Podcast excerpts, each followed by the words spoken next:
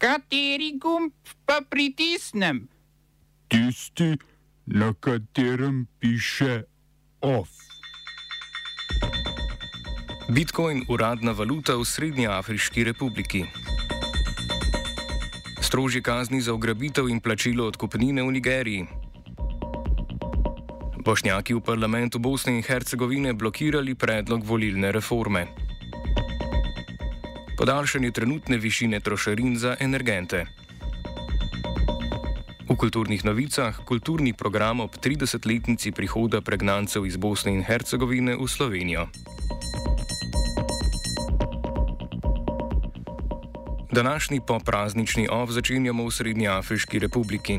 V tej državi, ki velja za najrevnejšo na svetu, je parlament sklepčno sprejel zakon o uveljavitvi kriptovalute Bitcoin kot uradno plačilno sredstvo. Srednjeafriška predsedniška pisarna je to odločitev v skupi izjavi utemeljila z olajševanjem življenja državljanom, ki bodo lahko z mobilnimi napravami plačevali hitreje. Prav tako naj bi poslovno življenje postalo lažje, ker je pretvorba bitcoina v druge valute hitrejša od pretvorbe primarne valute v državi Srednje afriškega franka. Predsedniška pisarna je potezo parlamenta označila za eno najpogumnejših in najbolj vizionarskih na svetu. Medtem je odziv javnosti drugačen. Problem pri uveljavitvi predstavlja prav srednjeafriški frank. Ta namreč ni le uradna valuta v Srednjeafriški republiki, temveč ga uporablja še pet nekdanjih francoskih afriških kolonij, upravlja pa ga Banka Srednjeafriških držav. Ta je za izenačenje bitcoina s srednjeafriškim frankom izvedela skupaj s preostalo javnostjo. V neuradnem odzivu je izrazila skrb zaradi izključitve najpomembnejše monetarne organizacije v državi iz odločevalskega procesa v zvezi z novo uradno valuto. Nekateri srednjeafriški ekonomisti so opozorili na dejstvo, da imajo v Srednjeafriški republiki dostop do svetovnega spleta, ki je nujen za pridobitev bitcoina, le okrog 4 odstotki prebivalstva. Prav tako so izpostavili problematiko ogromne količine električne energije, ki je potrebna za upravljanje bitcoinov. Državo namreč že desetletje pretresa državljanska vojna med republiko, krščanskimi milicami Anti-Balaka in tako imenovano patriotsko koalicijo. Srednjeafriška republika je od februarja letos tu še dodatnih težavah, saj se je v rusko-ukrajinskem konfliktu kot ruska zaveznica znašla na drugem bregu kot večina mednarodne skupnosti. Srednjeafriška republika je postala druga država, ki je sprejela Bitcoin za uradno valuto. Salvador je to storil leta 2021.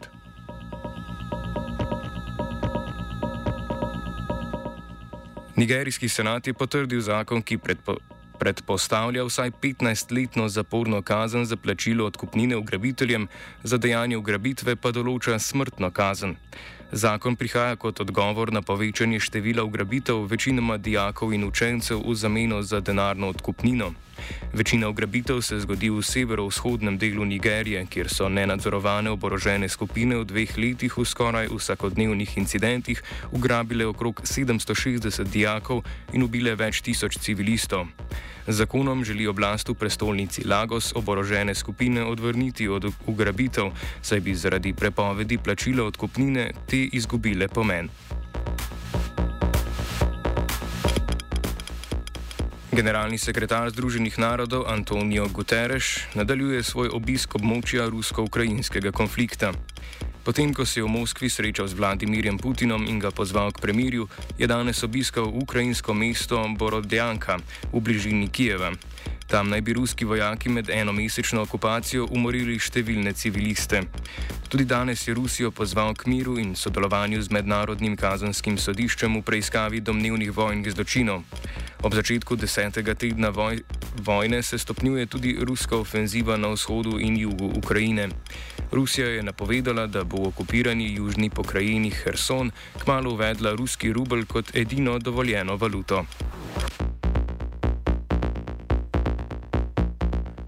V zgornjem domu parlamenta Bosne in Hercegovine, domu narodov, je bošnjaški del poslancev blokiral predlog volilne reforme, ki ga je vložila bosanska HDZ. Tri stranke, ki sestavljajo bošnjaški del poslancev, so se ob preprečitvi sprememb volilne zakonodaje sklicevale na nacionalni vitalni interes.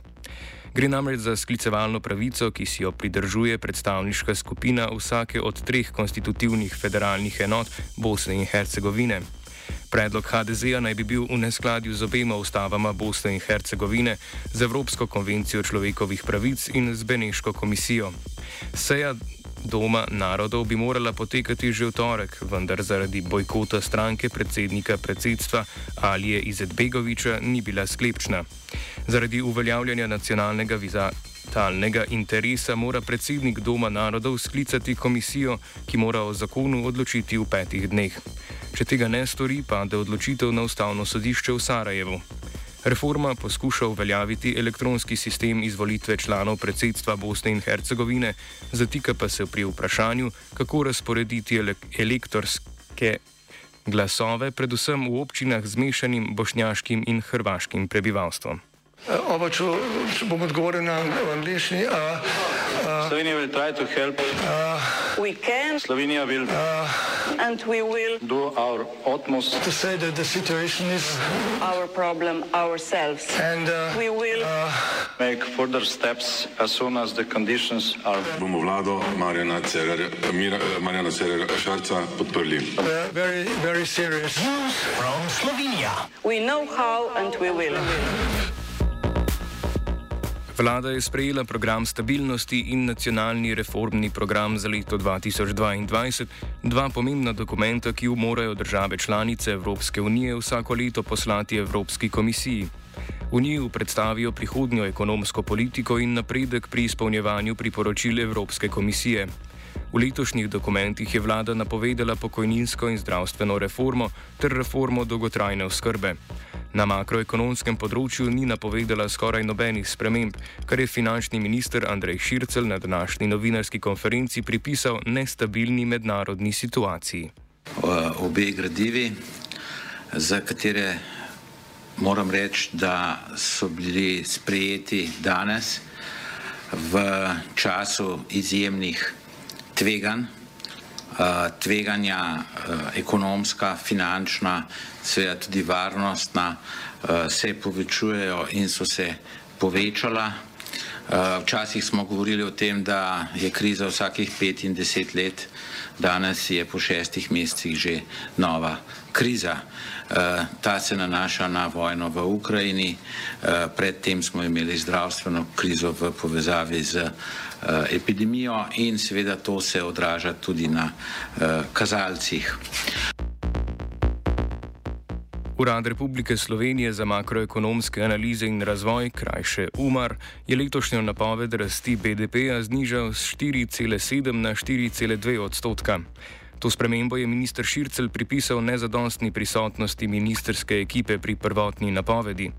Iz napovedi rasti BDP-ja izvira tudi napoved nominalnega finančnega primankljaja, ki naj bi do leta 2025 padel z trenutnih 4,1 na 1,7 odstotka BDP-ja. Prav tako naj bi javni dolg države v istem obdobju padel z zdajšnjih dobrih 75 na 68 odstotkov BDP-ja. Vlada je z uredbo še za tri mesece podaljšala veljavnost znižanih trošarin na energente in sicer na elektriko ter pogonska goriva, kurilno olje in zemljski plin za ogrevanje. Za zdaj pa vlada ni podaljšala regulacije cen večine pogonskih goriv. Če tega ne bo storila, lahko prihodnji teden pričakujemo dvig cen na benzinskih črpalkah. Podobno velja za položnice za elektriko, ki samo še ta mesec ne vključujejo cene omrežnine. OF je pripravil Vito.